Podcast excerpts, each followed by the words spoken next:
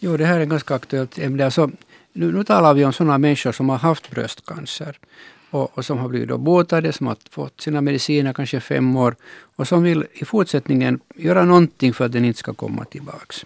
Och det första är att man får absolut inte gå upp i vikt. Man får absolut inte gå upp i vikt. Och är man lite, lite mullig så måste man absolut gå ner i vikt. Det här är jätteviktigt.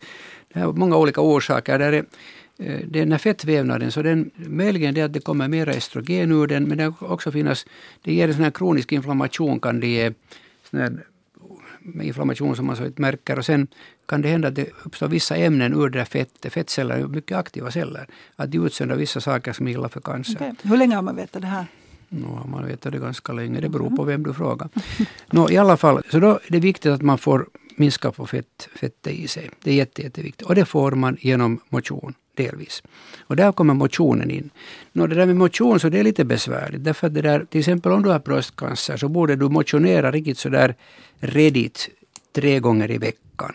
Och det är ju ganska tufft. Alltså det är en halvtimme, en timme så att svetten rinner och pulsen slår. Så det går inte bara med lite. Nå, visserligen om man har ett arbete där man faktiskt måste jobba hårt, så, så, vilket är ganska sällsynt idag, så, så då jag ersätter lite. Okej, okay, gå ner i vikt, undvik att gå upp i vikt och motionera, men ganska mycket, tre gånger i veckan. Mm. Nå, sen kommer maten. Och det, det är jätteintressant. Alltså, det är någonting som börjar komma mer och mer fram. Grönt te till exempel. Som man då kokar så att man baddar det ordentligt och sen, sen dricker det kanske flera koppar om dagen. Så det har en viss betydelse. Det är ganska spännande. Sen vitlök. Har, har, det, är en, det är en sån här underväxt för många saker. Och det stämmer att den har nog en hämmande verkan på, på cancer. Och sen korsblommiga växters eh, produkter, alltså det, det är då rypsolja, det är också olivolja, men icke solrosolja och, och, de andra oljor, utan det är bara olivolja och rypsolja som är bra. Och sen de här korsblommiga växterna, det är bryssel, det är broccoli och det där, de är bra.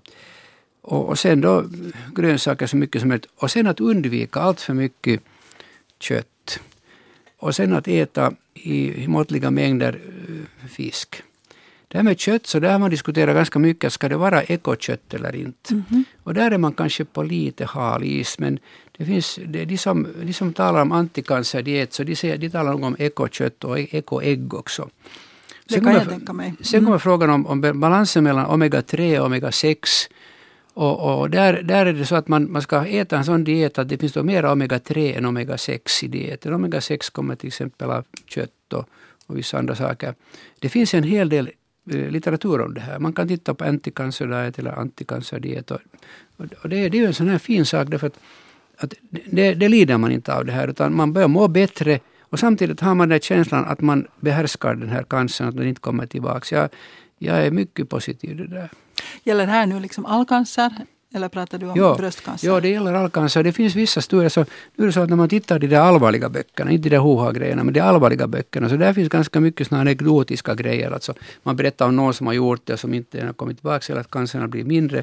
Det finns till exempel en studie från, från Kalifornien som är ganska intressant. Alltså det, det var sådana herrar som hade så lindrig prostatacancer att man inte liksom behövde operera utan man följde med den.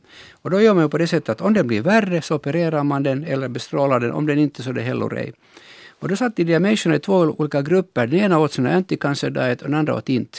Och de fick nog en skillnad, så att den gruppen gubbar som åt den där anticancerdiet, så de hamnade mera sällan ut för operation eller strålbehandling än de andra. Det är en ganska bra studie. Det finns vissa andra också som är det, det är inte något hoha det här. Fibrer?